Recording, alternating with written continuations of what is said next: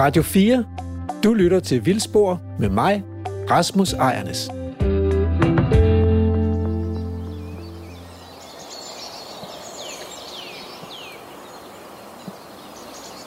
Selvom det går godt i Danmark med at flade kurven ud, som det hedder, over covid-19-smittede og hospitalsindlagte, så øh, skal vi stadigvæk begrænse den sociale kontakt til hinanden.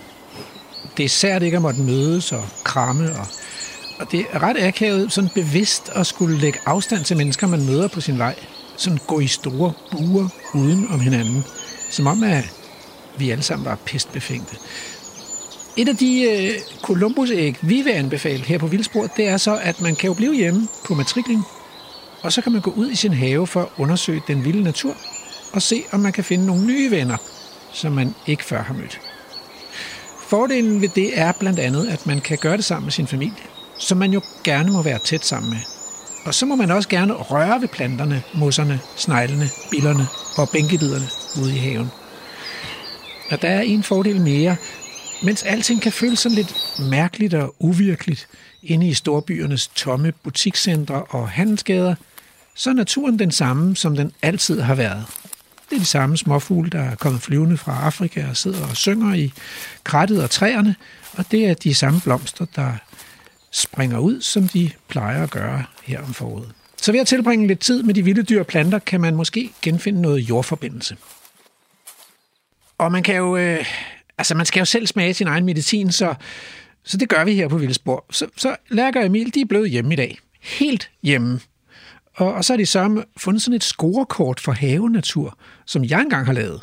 Og med det i hånden vil de gå på opdagelse i deres egen have.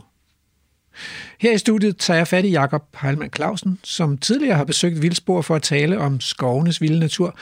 Men i dag vil jeg spørge ham, hvad det er, som driver naturnørder ud i naturen for at gå på opdagelse og, og gøre spændende fund. Og jeg vil spørge ham, hvilke, hvilken rolle moderne hjælpemidler som internettet, digitalkameraet og mobiltelefonen spiller for amatørernes naturopdagelser og naturglæde. Til sidst i programmet, så skal vi have en naturbattle, og dengang skal den handle om et af tidens mest kontroversielle forsøg med at slippe naturen fri i Europa. Mere om det senere, for nu skal vi hjem til Emil og Lærke. Ja, i dag der er vi øh, faktisk ikke rigtig taget ud i hvert fald ikke endnu, fordi øh, der er stadigvæk øh, de her problemer, kan man sige, med corona, og, øh, og Danmark er lukket ned, og vi kan ikke rigtig komme ud i felten og have gæster med. Så vi sidder faktisk øh, lige nu hjemme i vores øh, egen stue. Og øh, ja, keder os måske nok i virkeligheden en lille smule. Det er sådan lidt underligt at skulle, øh, skulle forsøge at lave radio ud fra ikke rigtig noget som helst. Men øh, vi er stadigvæk selvfølgelig øh, Lærker Emil, øh, som sidder her og øh, kigger på hver vores skærm lige nu. Og faktisk så, øh, så kan vi jo godt se, når vi sådan lige går på forskellige Facebook-sider. Nu sidder jeg for eksempel her med Sommerfugle Atlas-siden. At folk er øh, faktisk begyndt at se nogle, øh, en del sommerfugle rundt omkring. De, de øverste billeder her er billeder af de laver, der kommer fra den sommerfugl, der hedder okkergul pletvinge sådan nogle små sorte laver, som tit ligger sådan ret store, næsten sådan plamager i nærheden af Langsætvejbredet. Så dem øh, får folk tit øje på og undrer sig over, hvad er. Der er lige et par, par opslag omkring dem. Og der er også lavet en liste over de sommerfugle, der allerede er blevet set. Og jeg kan da godt se, at øh, jeg har da set nogle af dem indtil videre. Blandt andet citronsommerfugl, den her store, helt skrige citrongule sommerfugl, hvis, i hvert fald hvis det er handen. Jeg tror også, vi havde den med i et af de tidligere øh, programmer, hvor vi var ude på Jernhatten. Men der er også nogen, der har set sommerfugle helt tilbage i januar. Det synes jeg godt nok, det er meget, meget tidligt. Men det er selvfølgelig nogle af de her overvintrende sommerfugle. Har du fundet et eller andet, Emil? Øhm, jeg er faldet over... Jeg går ind på den hjemmeside, der hedder øh, fuglenatur.dk, som øh, har en database, hvor man kan indrapportere alle de her, øh, alle de her øh, fund. Øh, og noget af det, som, øh, som folk har set de seneste dage, er blandt andet sådan en sommerfugleart, som den der hedder skovblåfugl, som er en af de, øh, eller den tidligste af vores øh, blåfuglearter. Og som vi faktisk også plejer at se herude i haven nogle gange. Øhm, jeg har ikke set den endnu i år. Og jeg kunne også lige se, da jeg bladrede tilbage i mine egne øh, noter, at øh, det har været lidt senere i april og hen i maj, at øh, vi plejer at se den herude. Men øh, og ellers er det jo øh, også den sommerfugl, der hedder Aurora, som er begyndt at dukke op. En meget, meget øh, fin, øh, hvid sommerfugl, med, hvor hannerne har orange vingespidser, og, øh, og hunderne har sorte vingespidser, så har de sådan grønbroget på vingeundersiderne. Og ellers er der jo en masse forårsblomster og bier og alt muligt andet, som faktisk øh, bliver set udenfor nu. Noget af det, vi jo ellers også havde tænkt os, at vi, øh, at vi skal, når nu vi ikke rigtig kan komme nogen steder, det var jo også at se lidt på, hvad kan man så egentlig lave, hvis man ikke skal sidde indenfor og kede sig? Hvad kan man så lave øh, udenfor derhjemme, hvor man kan opleve noget natur? Øh, for eksempel sådan en lille artsjagt ude i vores egen have.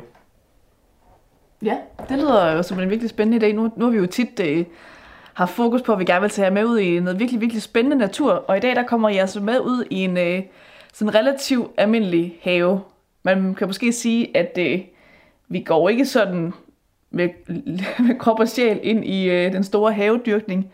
Der er sådan en lille tendens af lidt vild med vilje ude i vores have, så forhåbentlig så, øh, så kan vi finde lidt spændende ting ude i, ude i græsset herude i plænen. Ja, man kan nærmest sige, at der er måske faktisk ikke så meget græs at kigge på i virkeligheden, men forhåbentlig en masse urter og, øh, og forhåbentlig også nogle dyr. Og det, ja, vi sidder jo alle sammen i den samme situation. Vi er mere eller mindre lukket inde her i hver vores øh, lille boble, så det er meget sjovt lige at kunne gå ud og undersøge, hvad man egentlig kan finde inden for, øh, for egen lille matrikel. Så lad os prøve det. Der er jo også, øh, når man står derude, og hvis man nu ikke er øh, to biologer, som vi er, så er der faktisk også nogle forskellige hjælpemidler, man kan bruge øh, til at finde ud af, hvad det er, man har fundet. Og øh, dem kommer vi også lige til sådan at fortælle lidt om i løbet af, i løbet af den her reportage. Hvis der er noget, vi ikke ved, hvad er, eller hvis vi lige skal teste, om de virker, de der forskellige... Øh, noget af det er automatisk billedgenkendelse, for eksempel. Øh, så er det jo ret nok at kunne teste, om det virker. Det er mig, der er Emil Skovgaard Brandtoft, og lige nu er du på rapportage med mig og Lærke Sofie Kleo. Det stod spændt hele lommen, så nu ventede det.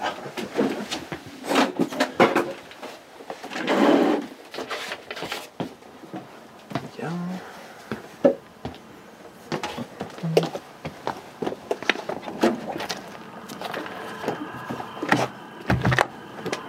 Tager mit kamera også.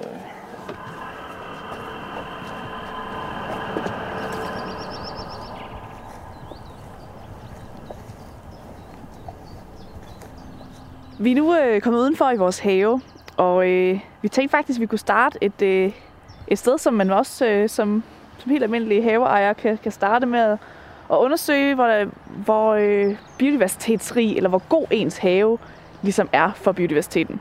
Og vi har faktisk fundet et værktøj, som, øh, som Rasmus og øh, nogle af hans kollegaer garanteret også har været øh, involveret lidt i. Det kan være, du lige kan forklare lidt mere om det, Emil. Ja, men tilbage i, jeg tror det var i 2014, der udviklede øh, DCE ved øh, Aarhus Universitet, de udviklede sådan en, en lille en lille øh, pointkort, kan man sige. En lille scorekort over, hvor mange point, hvor mange point scorer din have på biodiversitet, hedder øh, dokumentet her. Øhm, og det tager ligesom udgangspunkt i, hvad er der for nogle levesteder i, øh, i haven. Og, og øh, jeg synes faktisk, det er meget godt sådan en gang imellem at vende tilbage til det her scorekort. Øh, lige da vi flyttede herud for de her seks år siden, der, der kiggede jeg på det og tænkte, Åh, men så kan vi jo gøre sådan og sådan noget. I, det er ikke så meget, vi har fået gjort ved det endnu, øh, men øh, i hvert fald så, øh, så er der en masse gode øh, ting at tænke over her i forhold til, øh, hvad der skal til for at få en naturvenlig have.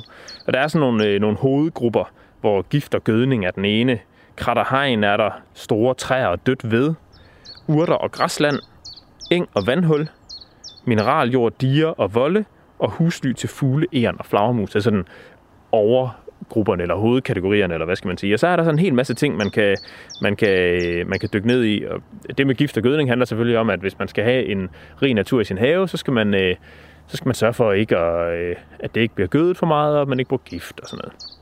Det giver lidt sig selv. Men så er der det med krat og hegn, og det er måske der, hvor vores have den sådan, øh, øh, gør det bedst. Øh, der er sådan noget som en kvæsbunke hele året. Og hvis man sådan kigger lige ud på den anden side af hækken herover, vi kan gå derover og rode i det lige om lidt, så ligger der, øh, så er der i virkeligheden sådan en masse rod derinde, som er, som er en kvæsbunke, og den har helt sikkert ligget der hele året og i mange år. Og det samme øh, bag ved os herinde, hvor man kan høre grænsangeren sidder og synger inde i krattet. Tif, tjaf, tif, tjaf, siger den. Øhm, så er der noget med sådan større 5x5 meter sammenhængende øh, krat af buske og træer. Tjek, det har vi også. Løvfældende danske buske og træer, jamen det har vi da. Vi har øh, øh, mirabelle, og vi har æble og pære og blommer og kirsebær og hyld og tjørn og hvad kan vi ellers finde på? Så der er i hvert fald også nogen der. Øhm, øh, Øh, når det var alle de blomstrende, det er den næste. Fem forskellige insektbestøvende busker og træer i haven. Øh, med de andre løvfældende danske busker og træer, der har vi jo hassel og elm og birk og ja, alt muligt.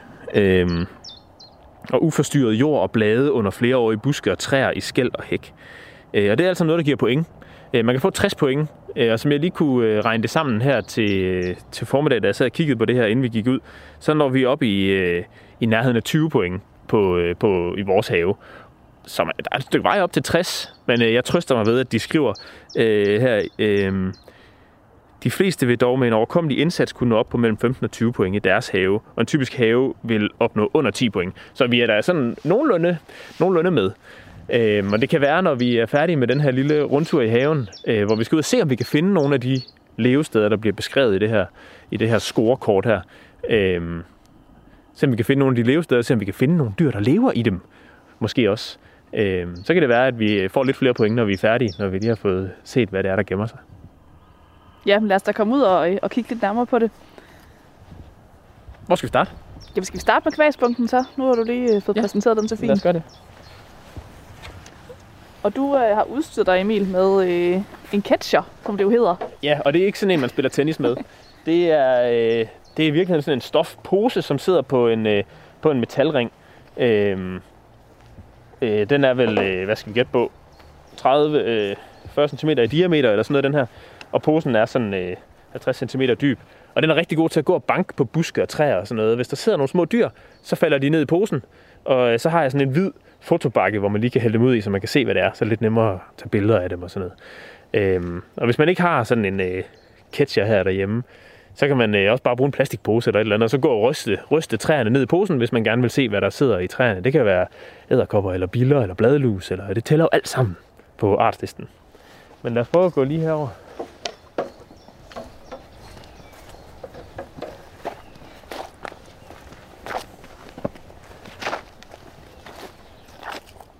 Der står også et, øh, et gammelt hegn her, øh, så man ikke kan komme ind i kvægspunkten, men det kan man så godt, fordi man kan jo hoppe over, hvis man vil.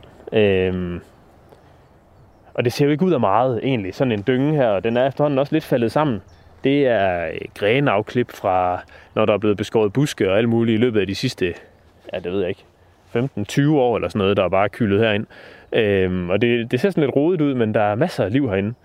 Øh, fuglene sidder altid herinde og synger, og øh, der sidder tit hernede på de her øh, grene, der ligger her foran os, de mørke grene, der ligger i solen.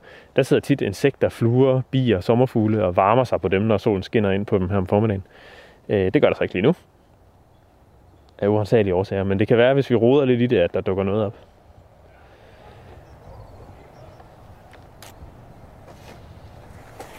Ja. Øhm, skal vi prøve lige at... Øh, jeg kan lige prøve at hoppe over og hente lidt af alt det materiale, der ligger herinde, så kan vi se, om der kommer noget ud af det. Skal jeg ikke lige gøre det? Jo. Så kan du holde den imens. Jeg holder catcheren. smider også lige kamera og kigger og alt muligt. Det er jo et større udstyrstykke, når man sådan skal på tur i sin have. Men noget af alt det her, man kan høre måske, hvordan det knaser, når jeg træder herind. Og det er jo bare sådan en hel masse gamle, øh, visne grene, der ligger herinde. Nu prøver jeg lige at tage noget af det op i min fotobakke og øh, se, om der kommer lidt liv ud af det. Så vi graver lidt ned under det måske.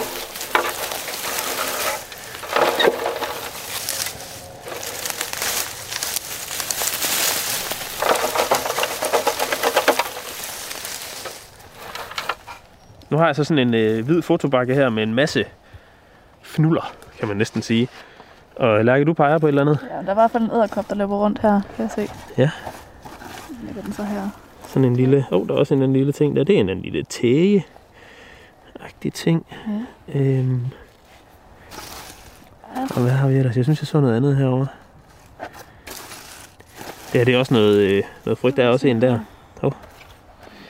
Øh, det er sådan en, øh, det er også en eller anden tægeart. Det her det er en nymfe. Øh, det er jo sådan med tægerne, at det er sådan nogen, som, øh, som lever... Nogle af dem er rovdyr, men langt de fleste, de lever... Nu kravler den i mit ærme. Kan du lige vippe den ud af? Nå, nu, Det er muligvis mest lidt. Ja, nå, den forsvandt. Øhm, men det jeg vil sige var, at, at, øh, at nymferne, eller tægerne, de har, øh, de har sådan nogle forskellige livsstadier, hvor alle unge stadierne, det, dem kalder man for nymfer. Og når så de bliver voksne, så, øh, så er de så ikke nymfer længere, kan man sige. Voksenstadiet er det sidste. Øhm, og det, er, det kaldes øh, ufuldstændig forvandling hos, hos de insekter, der gør det på den måde, hvor de sådan har nogle unge stadier, der ligner, øh, der ligner voksenstadierne. Øh, med den forskel, at de voksne så har... Oh, der er faktisk en der, der ser voksen ud. Den har i hvert fald øh, øh, mere udviklede vinger hen over ryggen. Øh, og det er det, de får i voksenstadiet. Så kan de pludselig flyve og komme ud og sprede sig, og hannerne kan møde hunderne, og sød musik opstår, og der kommer flere tægenymfer ud af det. Øhm, så er der sommerfuglene for eksempel, som er larver, øh, har et antal larvestadier, så forpupper de sig, og så kommer der et helt andet dyr ud øh, på den anden side af det der puppestadie der. Det kalder man for fuldstændig forvandling. Og det er sådan de to strategier, der er inden for øh, sådan en livscyklus af, af insekterne, kan man sige. Nå, men der var lidt æderkopper og et par tæer. Det ligner sådan nogle øh, frøtæer. Hvis man lige kan finde dem igen, så kan det være, at vi skal prøve at tage et billede. Ja, for det er jo lige det. Det er jo ikke... Øh, vi kan jo ikke bare lige stå her og sige, hvad det er. Der findes jo selvfølgelig massevis af arter inden for både øh, æderkopper og de her tæger. Øhm, ja, og det, øh, det kræver altså lidt mere viden end bare lige sådan at, at se dem kort og vide, hvad det er. Æderkoppen er der, hvis vi skal have et billede Ja, af den i hvert fald. Det kan være, du vil tage med kameraet dernede så. Ja.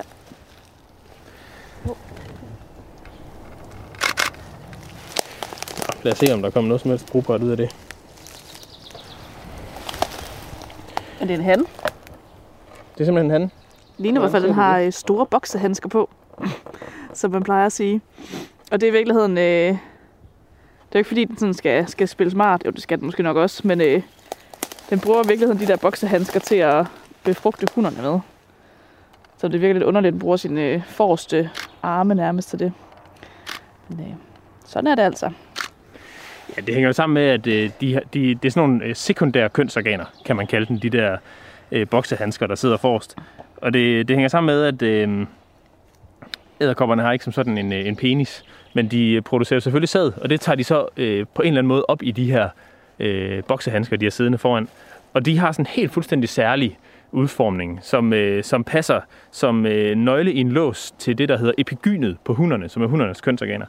Og øh, så kan man ligesom se, at når de parer sig, som det er jo ikke sådan en rigtig parring, men alligevel, øh, så er det ligesom de her øh, handsker, boksehandsker, som simpelthen sådan passer som nøgle i en lås ind i epigynet, hvor de så kan komme til at aflevere deres, øh, deres sæd og befrugte hunderne. Øh, og det kan jo tit og ofte være en, øh, en farlig leg, havde han sagt. Der er mange æderkopper, hvor, øh, hvor det der med at parre sig med hunderne, det er det sidste, hannerne gør, fordi de simpelthen bliver til øh, øh, måltid bagefter. Så det gælder om at være sikker på, at man gør det rigtigt, inden man bliver spist. Hvad med de der tæger der? Ja, det må vi lige prøve at se, om om vi vi kan kan genfinde. Og der er det jo meget vigtigt at sige, at tæger og flåter er ikke det samme. Øhm, tægerne er insekter. De har seks ben, som insekter har. Øhm, og så, øh, så lever de af alt muligt forskelligt. Øh, mest plantemateriale, men som sagt er der også nogle af dem, der, der kan være rovdyr. Øhm, Men ikke flåterne, mennesker. de kan godt nogle gange finde på, nogle af dem kan finde på at bide lidt, hvis de bliver sure, hvis man trykker på dem og sådan noget. Øhm, Det- Men flåterne er jo blodnider. De lever simpelthen af at suge blod fra mennesker. De, øh, de har otte ben og hører til et helt andet sted i øh, livets træ, end, øh, end tæerne gør. De er meget nærmere beslægtet med æderkopper, for eksempel. Det er mig, der er Lærke Sofie Gleup, og lige nu er du på reportage med mig og Emil Skovgaard Brandtoft. Ja, her var der også lidt liv. Nu var jeg lige lidt længere inde i, øh, i krattet, inde hvor der er sådan lidt mørkere og lidt mere fugt i, i, i alt det smuld der. Kravler lige over hegnet igen. Øhm. Og når der er lidt mere fugt, så er der også nogle andre arter, der dukker op. Øh, for eksempel bænkebider. Alle ved jo, at man kan... øh, Åh, oh, der er så også en løbebil. Nej, spændende. Lærke fotograferer et eller andet, kan jeg høre. En eller anden form for humlebi. En form for humlebi. Uh. Det er jo lidt mere dig, der er ekspert der. Jeg er i gang med at spise øh, guldnælderne. Mm.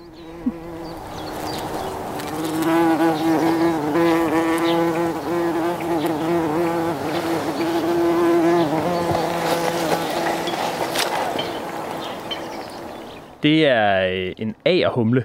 Den humlebi, Lærke var ved at øh, fotografere for et øjeblik siden, og det er en af vores allermest almindelige øh, humlebier. Og også en af vores allermest øh, variable humlebier, sådan set. Øh, den her, den er sådan meget kraftigt orange foran. Øh, mest mørk på, på bagkroppen, og så med sådan et øh, øh, fesen gullig hvidt øh, bånd bagerst. Den kan måske godt ligne lidt hushumle i den her, øh, i den her øh, udgave her, men hushumle den vil være kraftigt orange og have sådan helt fuldstændig skarpt afsat hvidt bånd bagerst, så det har den her altså ikke. Øh,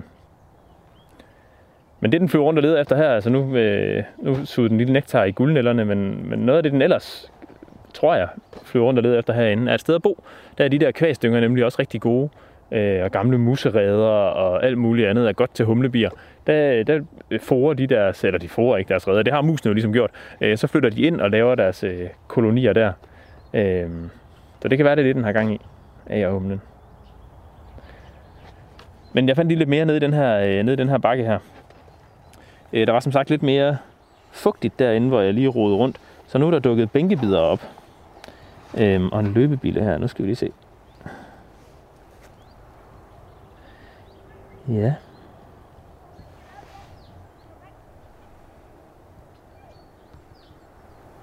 Det kan være, at jeg skal have fat i kameraet til den bil der. Jeg, jeg tror, det er, og det kunne man måske også godt se, at den løb rundt.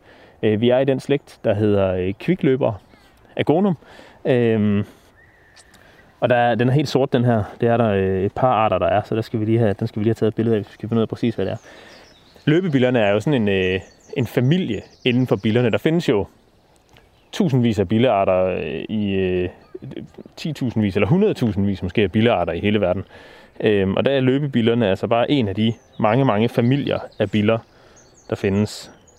I Danmark har vi øh, et sted mellem 200 og 300 arter af løbebiller, øh, hvor den her den sådan er en mellemstørrelse, kan man sige. Den er cirka en centimeter lang. Øh, de største af dem er den, der hedder øh, læderløber, som kan blive 4 cm lang eller noget den stil. Det er et ordentligt krabat. Men jeg ved ikke, om vi skal prøve at teste nogle, øh, nogle værktøjer, Emil, fordi nu står vi jo her blandt andet og kigger på de der fine bænkebider, du har fundet. Ja, Og en bænkebider er jo ikke bare en bænkebider. det er sandt. Og jeg ved ikke, hvad det er for nogen. For som Emil lige fik øh, teaset lidt for i starten, så er der jo forskellige former for billedgenkendelses øh, apps, kan man godt sige, det er. Så nu har Emil taget et billede af en af de her bænkebider i noget af alt det her kvæs, der ligger i fotobakken. Og øh, nu kan vi prøve for, for at forsøge at, at teste lidt forskellige ting. Nu beskærer vi lige billedet først, så det mest er bænkebideren, der er på billedet. For det, der så er med de her billedgenkendelsesprogrammer, det er, at de selvfølgelig kan blive forvirret, hvis der er alt for meget snæsk Ja. med. En af de bedste apps, kan man sige, til det er den, der hedder iNaturalist. Det er øh, en app, eller et databasesystem, kan man sige, som er udviklet af, øh, af et amerikansk universitet, øh, og nu er udbredt over hele verden, og øh, er ret, ret genial til sådan noget som det her. Når man går ind på den, på telefonen her, og jeg er øh, logget ind på appen, så øh, er der nede i højre hjørne et plus. Hvis jeg trykker på det plus, så øh, spørger den mig om, øh, det, det gør jeg for at indrapportere en, et fund, kan man sige. Øhm, og så kan jeg så øh, vælge, øh, om jeg vil tage et billede, eller om jeg vil have et billede, jeg ligesom har liggende i forvejen. Øhm, og nu har jeg jo taget billedet af den der bænkebider, så det tager jeg selvfølgelig her og vælger. Øh, når det så er uploadet, så er der sådan en lille, lige under billedet, der er der sådan en, der hedder, hvad så du? Se forslag. Og jeg ved godt, det er en bænkebider, men jeg er jo ikke sikker på, hvad det er for en. Øhm, så nu søger den. Den synes, at øh, der er størst sammenfald med, øh, med den art, der hedder glat bænkebider. Øhm, så kan man jo vælge, hvis man lige, så kan man se nogle billeder af glat bænkebider, og så tænke, ja, men det kunne måske meget godt ligne den, øh, den vi har. Øhm, den foreslår også øh, øh, almindelige kuglebænkebider, og den var det jo i hvert fald ikke, fordi det er dem, der ligesom ruller sig sammen til, øh, til kugler. Øhm, så foreslår den en art, som øh, som til synligheden ikke findes i Danmark, så den er den nok heller ikke. Øh, og nogle forskellige andre øh, bænkebiderarter. Jeg prøver at sige, at jeg tror på, at det er glat bænkebider. Og så kan jeg øh, uploade den her. Trykker på det lille flueben. Og så uploader den den her, øh, øh, den her observation. Og så sker der det, at øh, nu ligger den så på, øh, på iNaturalist, hvis man går ind på øh, hjemmesiden, øh, iNaturalist.org, tror jeg den hedder. Øhm, det kan man selvfølgelig lige tjekke. Øh, men øh, nu ligger den i hvert fald på den hjemmeside der, og så kan alle de andre brugere, der er, øh, der er en million brugere næsten på iNaturalist, sådan på, øh, på verdensplan. Øh, og de kan nu gå ind og se, hvad, se det billede, jeg lige har lagt op, og så kan de sige, om de er enige eller uenige i bestemmelsen til glat bænkebider. Øh, og det er, det, det er virkelig et, øh, ja, den hedder iNaturalist.org. Øhm, det er virkelig et genialt, øh, genialt værktøj. Øhm, når, øh, når der er øh, to eller flere måske er det tre eller flere brugere, der er enige om, at det her det er altså glat bænkebider, så får observationen det, der hedder forskningskvalitet, og så bliver den uploadet til en database, der handler sådan en international øh, biodiversitetsdatabase, hvor øh, den observation så bliver tilgængelig for forskere over hele verden, der har lyst til at bruge det. Øh, fordi da jeg tog billedet, der var der nogle GPS-koordinater med, der fortæller lige præcis, hvor vi står her i vores have, og hvad det er for en dag, og hvad det så var for en art, og der er et billede. Så man har sådan set al den dokumentation, man skal bruge for at det sådan har, en, har forskningskvalitet. Mm. Jeg har lige forsøgt at lave et, et andet eksempel, og nu har jeg taget sådan et halvt dårligt billede af en tusindfryd, som vi også de, faktisk står og træder lidt rundt i her. Og det er nærmest kun øh, blomsten, der er kommet med på billedet, fordi de blade, der så var nedenunder den, det, øh, det var noget helt andet. Men den, var, den er alligevel øh, så smart, at den siger, at det første forslag, den kommer med, det er simpelthen tusindfryd. Så, øh, så selvom man måske ikke lige får taget det allerbedste billede, så er der altså en vis sandsynlighed for, at den, øh, den nok skal hjælpe en på den, rigtige, øh, på den rigtige vej. Men man kan selvfølgelig ikke være helt sikker, når man står her med, med sit billedgenkendelsesværktøj. Så det er meget godt, at, at der lige bliver kontrolleret lidt efterfølgende. Så det, der sker, det er jo sådan set, at, at det bare er medlemmerne eller brugerne af den her app, som kan godkende hinandens observationer. Øhm, så det er på den måde, hvis nu tænker, jeg har så måske taget et billede af den her bænkebider, den ved jeg ikke selv noget om, men måske er jeg rigtig god til sommerfugle så kan jeg også gå ind og, øh, og forsøge at godkende nogle af de her sommerfugleobservationer. Så på den måde er det jo, sådan, det er jo en kæmpe stor hjerne, der, øh, der arbejder sammen her. Dels øh, billedgenkendelsen her gennem, øh, ja, gennem øh, den automatiske billedgenkendelse, men altså også, at der sidder nogle mennesker derude, som, øh, som ved noget om de forskellige artsgrupper.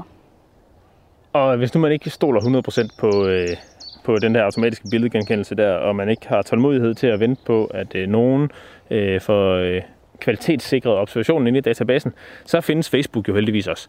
Og øh, jeg er øh, gået ind i den gruppe, der hedder Kryb og Kravl, som er en gruppe, der er helt fuld af øh, naturnørder og naturglade folk, som render rundt og fotograferer alt det, de finder, og øh, deler det med hinanden.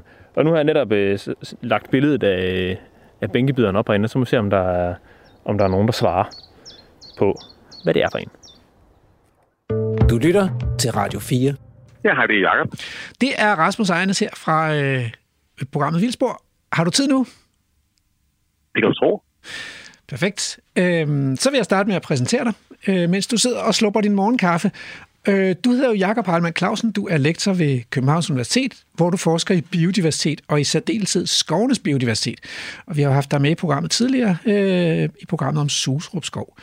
Men det er lidt, det, der er lidt en anden grund til, at øh, jeg har inviteret dig med i dag, fordi du har jo sådan et, øh, et øh, dobbeltliv, kan man sige. Ikke? Øh, jeg har været inde på den øh, øh, artsportal, som hedder øh, Svampedata, øh, hvor du har øh, registreret mere end 2.100 arter.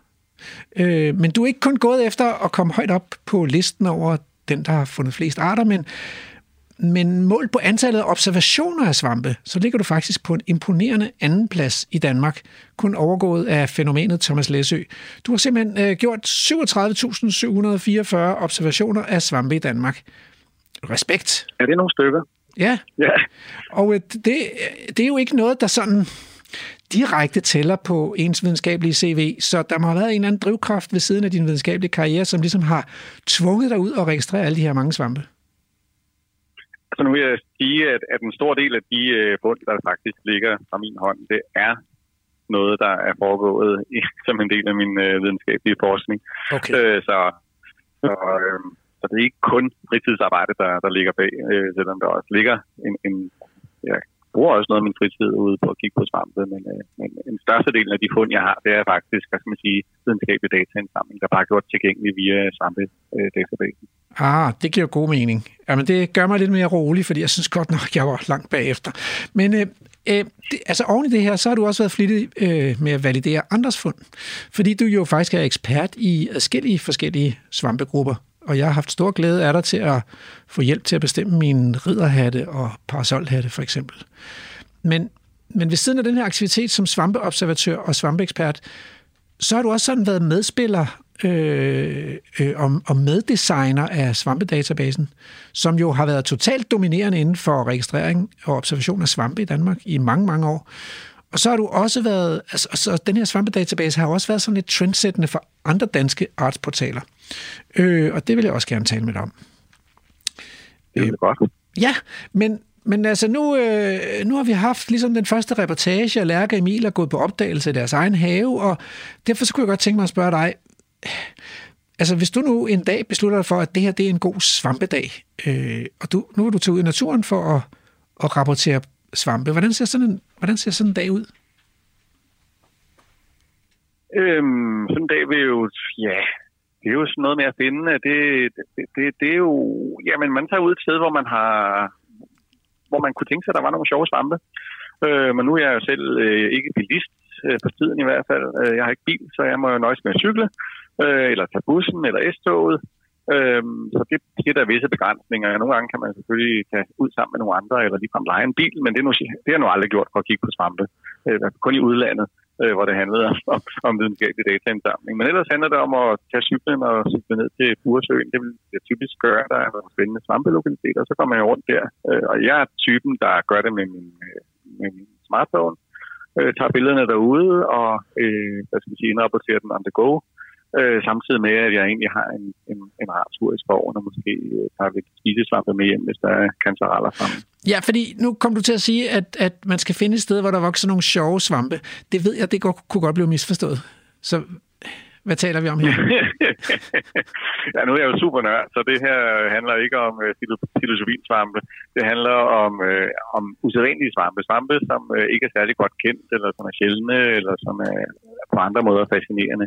Øh, altså, du, du har jo konstateret, at jeg har fundet over 2.000 arter i Danmark, og det er jo sjovt at kunne tilføje en lille smule til det. Det går nok ikke så meget efter. Det, det er jo også øh, at blive klogere på de svampe, jeg ved noget om i forvejen i virkeligheden. Ikke? Så, så som du øh, har antydet lidt, så er der visse svampegrupper, hvor jeg, hvor jeg også har en hvad skal jeg sige, lidt mere nørdet taksonomisk interesse.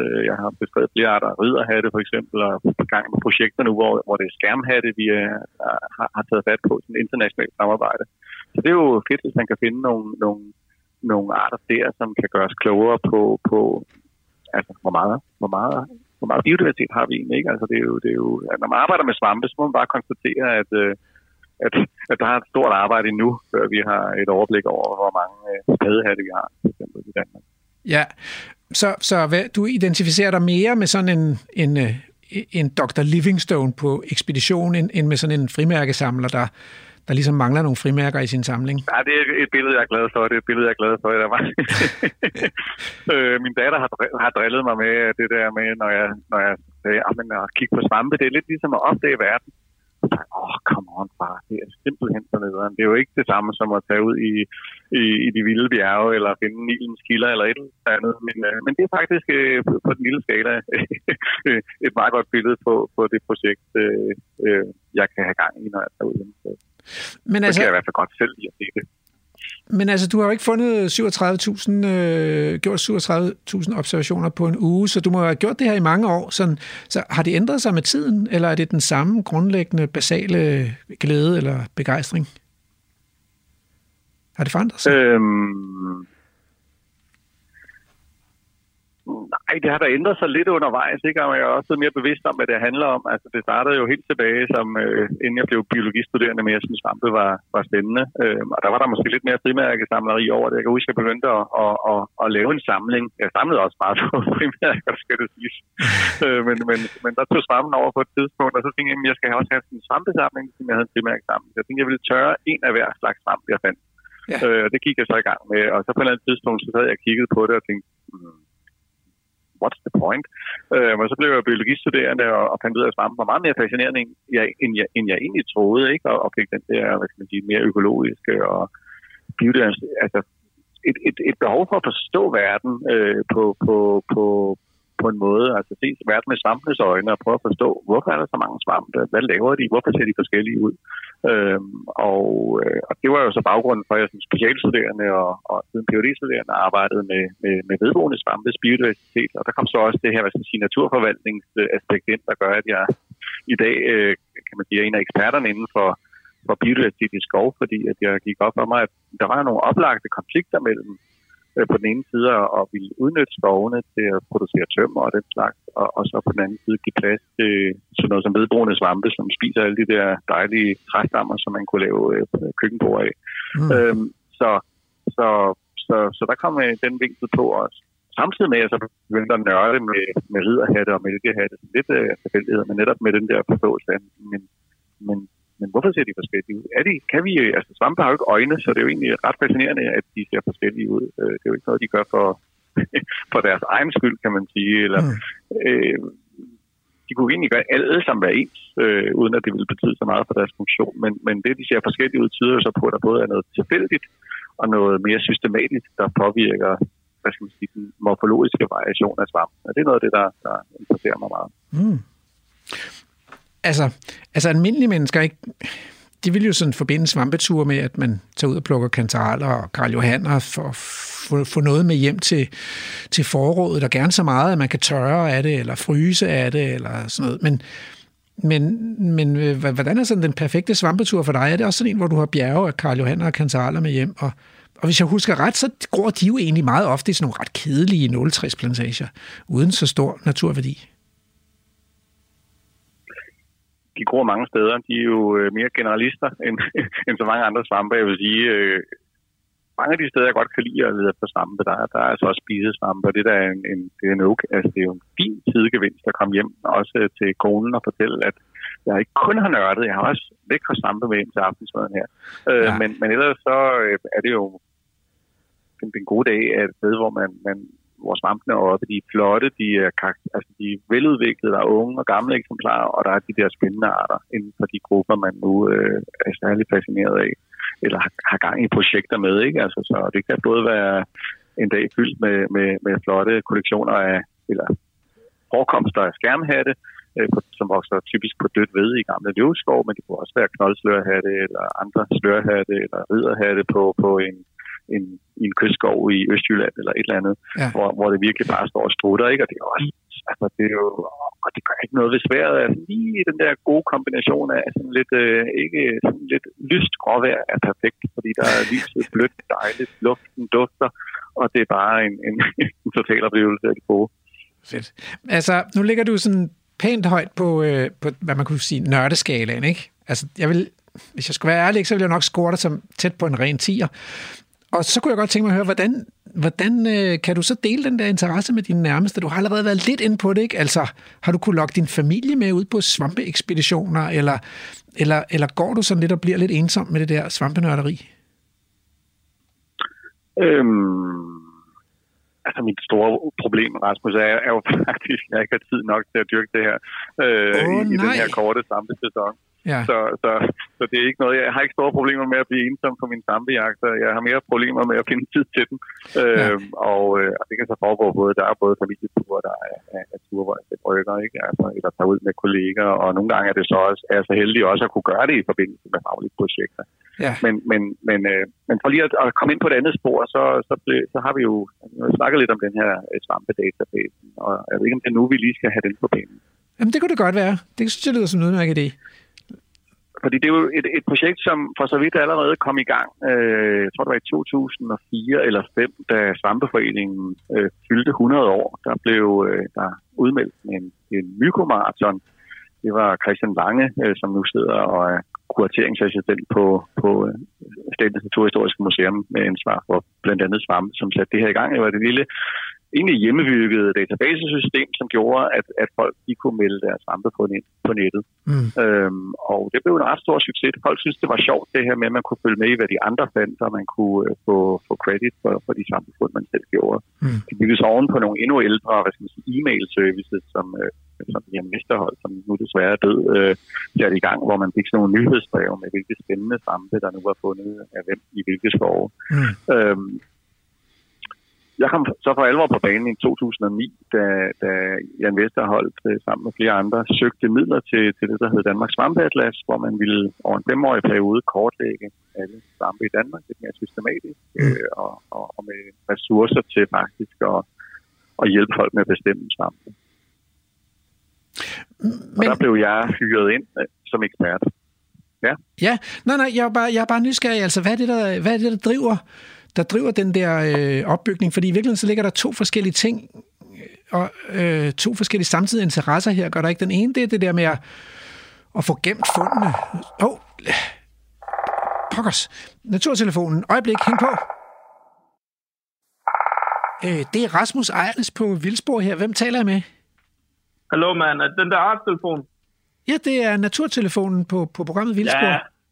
Ja. ja, det er godt. Det er Iris her. Iris? Ja, du ved, præsidenten af takvinger, ikke? Altså, har du sådan en sommerfugl? figuren. Ja. Ja, jeg er en sommerfugl. Jeg er en ordentlig satan af en sommerfugl. Har et vingefang på en 6-7 cm. Men altså, damerne er de største. De har, de har lidt til gården og skaden, du ved, ikke? Ja.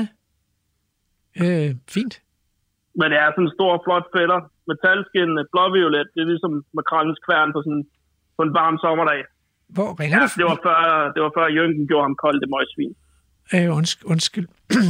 Hvor ringer du fra? Så jeg ringer fra Vestamager, ude fra Pinseskoven, okay? Ja, ja det er okay. Det har vi ikke haft ja. noget igennem fra før. Så, øh, så det, du er i en skov, og øh, hvad, hvad laver sådan en iris i en skov? Ja, jeg dominerer mit territorium. Der er ja. mest sådan noget, du ved, lys, lys skov, sådan varm etageskov ja. med sælgepil, ikke? Hvor øh, jeg kan sidde oppe i toppen og, og dominere. Ja. Altså, de der de andre taklinger, de der ude for Blågårdsplads, de får i hvert fald ikke en vinge til jorden her. Det kan jeg godt sige dig. Okay. Ja. Så, så der er nogle andre sommerfugle derude også, sammen med dig? Ja, men der er nogen, der er sådan nogle uh, topsmarte typer, der krydser ind med territoriet en gang imellem, så jeg er ud. Okay. Men altså, det... du ved, jeg deler ikke mine damer med nogen. Nej, nej, nej, det, for, det forstår jeg godt. Og slet ikke, og slet ikke mine ressourcer, vel, altså sælgepil. Jeg skal jo sælgepil, så jeg kan føre min, mine gener videre, så damerne, kan lægge æggene på noget sælgepil, og så kan larven ligesom æde det. Og så overvinder de, og så æder de noget mere sælgepil, og så bliver de store flot, ligesom, ligesom, præs, ligesom præsidenten her, ikke? Ja. Men, men hvad er det så, der lige får dig til at ringe ind til naturtelefonen? Ja, nu skal du høre, altså det, der får mig til at ringe ind til naturtelefonen, det er ligesom, at, at jeg er på forgrænsen for min arts udbredelse. Ja. Så det er ligesom nyt territorie, vi er ved at trænge ind i. Så vi, trænger, vi, vi, skal jo have noget plads her, ikke? Ja. Og, og, øh, og, og der er ikke rigtig så meget øh, varm, lys skov i Danmark. Det er mest noget mørk, lige skov, ikke? Sådan noget rigtig, rigtig nederen provinsskov. Selv over i Jylland har de nogle problemer med det. Mm-hmm. Og, øh, og jeg har brug for noget lysåben skov. Jeg skal have nogle skovlysninger. Jeg skal have noget sælgepil. Og, og altså andet pil kan måske også godt gå i en rask vending, men det skal være lys, det skal være varmt. Og så skal jeg jo have nogle, nogle, nogle store træer med alder, fordi jeg er sådan en, jeg er sådan en lidt særlig type, der altså, ligesom et specielt selskab, man skal være i for at møde mig, der er helt oppe i, i trækronerne, hvor jeg dominerer. Og yeah. det gør jeg herude på Vestermar, ude i Pinseskoven. Men altså, vi skal have noget nyt territorie, vi, vi skal udvide, vi skal jo overtage verden, ikke? Ja, okay. Så du er sådan lidt ekspansiv type. Jeg har mødt sådan en, jeg har mødt sådan en iris en enkelt gang, og det er jo et smukt syn, når, når, når I folder vingerne ud, sådan, og, og solen skinner på den der, den der blå øh, refleks på oversiden af vingerne, det er jo, det er jo meget fortryllende. Ja, du er helt sikker på, at du har set mig, og du ikke har set min, øh, min bror, altså den der regnbuefind til Ilja. Øh, nå, du har simpelthen en nær slægtning. Ili, Ilia. Nej, jeg har, jeg har fordi- aldrig set en Ilia. Nej, det, det, Ilja er også øh, sådan lidt speciel type. Altså, han har sgu mere travlt med at gå i dametøj end at dominere sit territorie, ikke? Men, men vi er sådan, øh, der, er, der er ligesom takvingerne, ikke? Ja. Og så inden for takvingerne, der er en slægt, der hedder Apertura. Og i Danmark, der er jeg så præsidenten af takvingerne, jeg er Iris. Apertura, Iris. Og så er der så min, min regnbuefems en bror, der hedder Apertura Ilja. Okay. Ja, så han er mere travlt med at gå med dametøj op i Nordsjælland sted, ikke? Men det, men, men det er rigtigt nok, vi ligner hinanden rigtig meget. Så, ja, okay, men, men det er ikke sådan et varmt forhold, I har? Eller, eller det er okay? Ja, det, det, altså, det, han er jo min bror, ikke? Det er jo blod, ikke? Men Ja. altså, det er, sådan, det er sgu lidt køligt, fordi altså, nogle gange, så, så prøver han jo også at møde sig ind i mit territorie. Det kan jeg jo ligesom ikke have, vel? Nej. Og så er han sådan lidt femset, og det... Altså, jeg er jo en rigtig, jeg er en rigtig præsident, ikke? En rigtig takving, ikke? Ja. Jeg jeg har hørt, at der er nogen, der sådan, øh, øh, der, der faktisk derude på Vestermar, der, der fotograferer sommerfugle, og, og sådan, det er sådan lidt en, en, en fin lokalitet at komme derud, men det er vel okay, at, at der kommer mennesker og fotograferer jer? Altså, vi har jo, hvad kan jeg sige, det er lidt lyssky forretninger, vi har oppe i toppen af trækronerne, men der kommer nogle gange øh, nogle, øh, særligt nogle ældre herrer med langt hår og Ja. ja. fejrer deres, øh, deres lange kameraer efter os, ikke? Og man kan sige, der er præsidenten er ligesom den, der bliver, bliver skudt på først, men altså, det klarer jeg nok. Det er jo ikke så meget det, men øh, skal jo overtage noget territorie. Vi skal ud og have noget mere lysåben skov, gerne med nogle kadaver og noget lort. Altså, vi, vi slikker jo mineraler, ikke? Det gør vi så på kadaver og lort. Altså, jeg sgu træt af at slikke på de der gamle, gamle langhårede mænd, der sveder herude på Vestamager. Vi skal sgu have noget mere plads og noget mere mineraler, mere kadaver og noget lort. Der var en eller anden gammel drabsag derude fra Amager, men altså, øh, hvad er det, du lige tænker på med de der kadaver?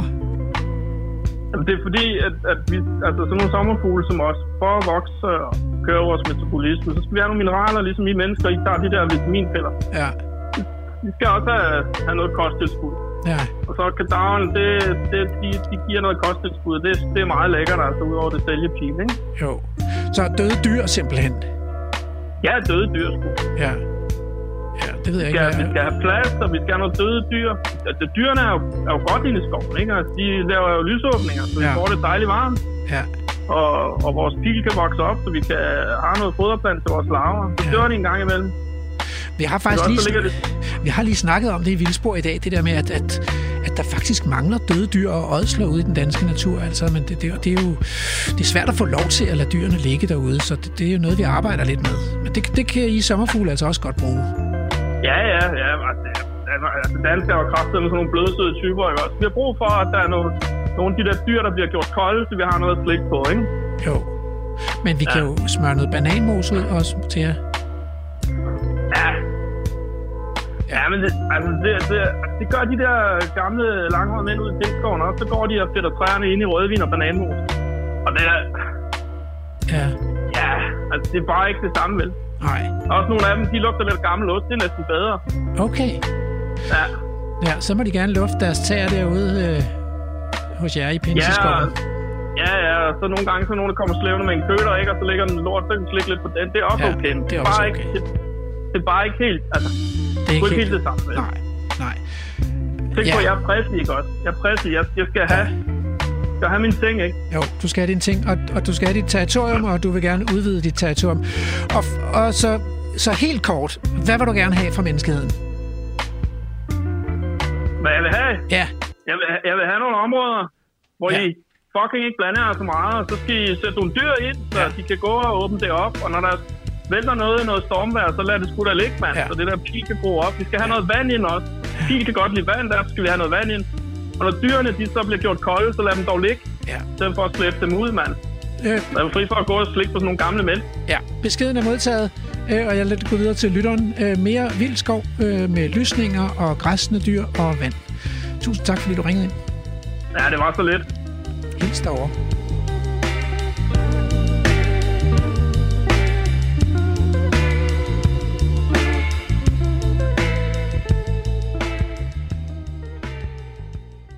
Øh, undskyld. Ja, altså, ja, der, hvor kom vi fra? Jeg, ja, min pointe var, at der var ligesom, der var ligesom to, sådan som jeg ser det, to impulser bag ved det her øh, med at bygge databaser og Så den ene det er at få gemt fundene til videnskaben, og den anden det er det der, den der glæde ved at dele fundene med hinanden og, og, og, og se, hvad de andre har fundet, altså.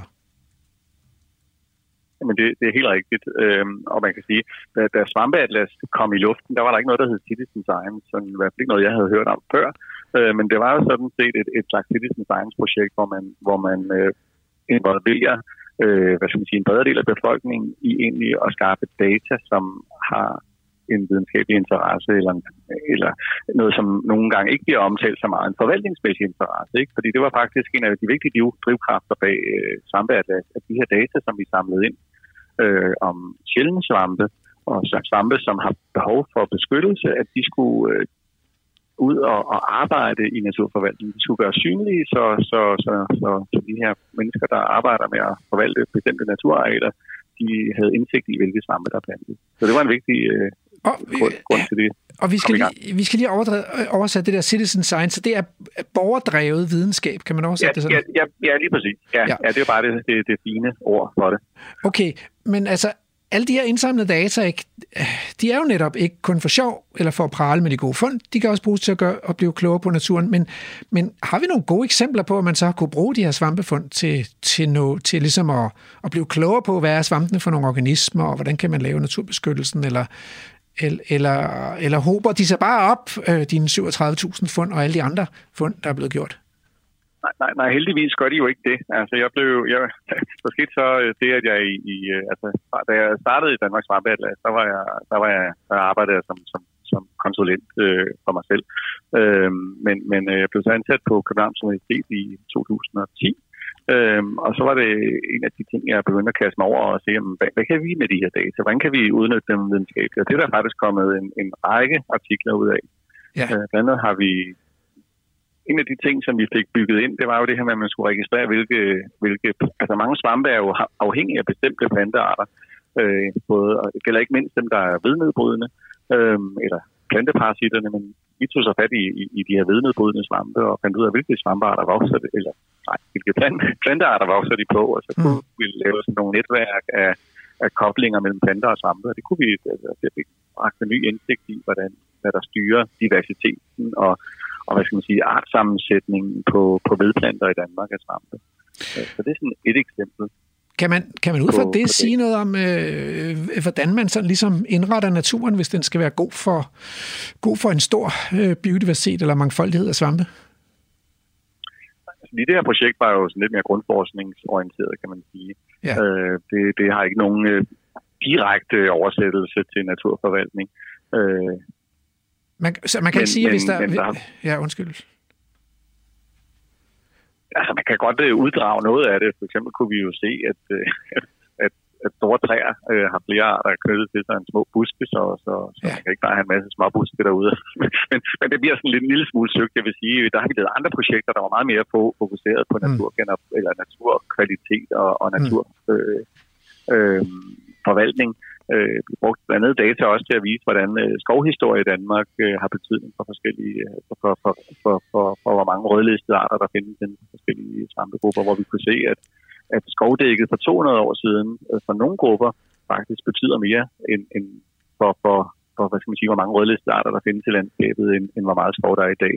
Ja. Øhm, mens øh, det gælder for eksempel for, for vedboende svampe, ikke så mærkeligt, og, og, og det samme også for, for nogle af de her knoldslørhatte og de her arter, der er knyttet til lerebund i, i løvskov. Mens andre grupper, øh, for eksempel piksvampe, der danner mykorrhiza med nåletræer, de, de, de var måske ikke så overraskende. De var, de var egentlig mere, de var mere afhængige af nye skove. Mm. Så, så vi kunne se nogle forskellige mønstre i, i data, som, som absolut er relevante.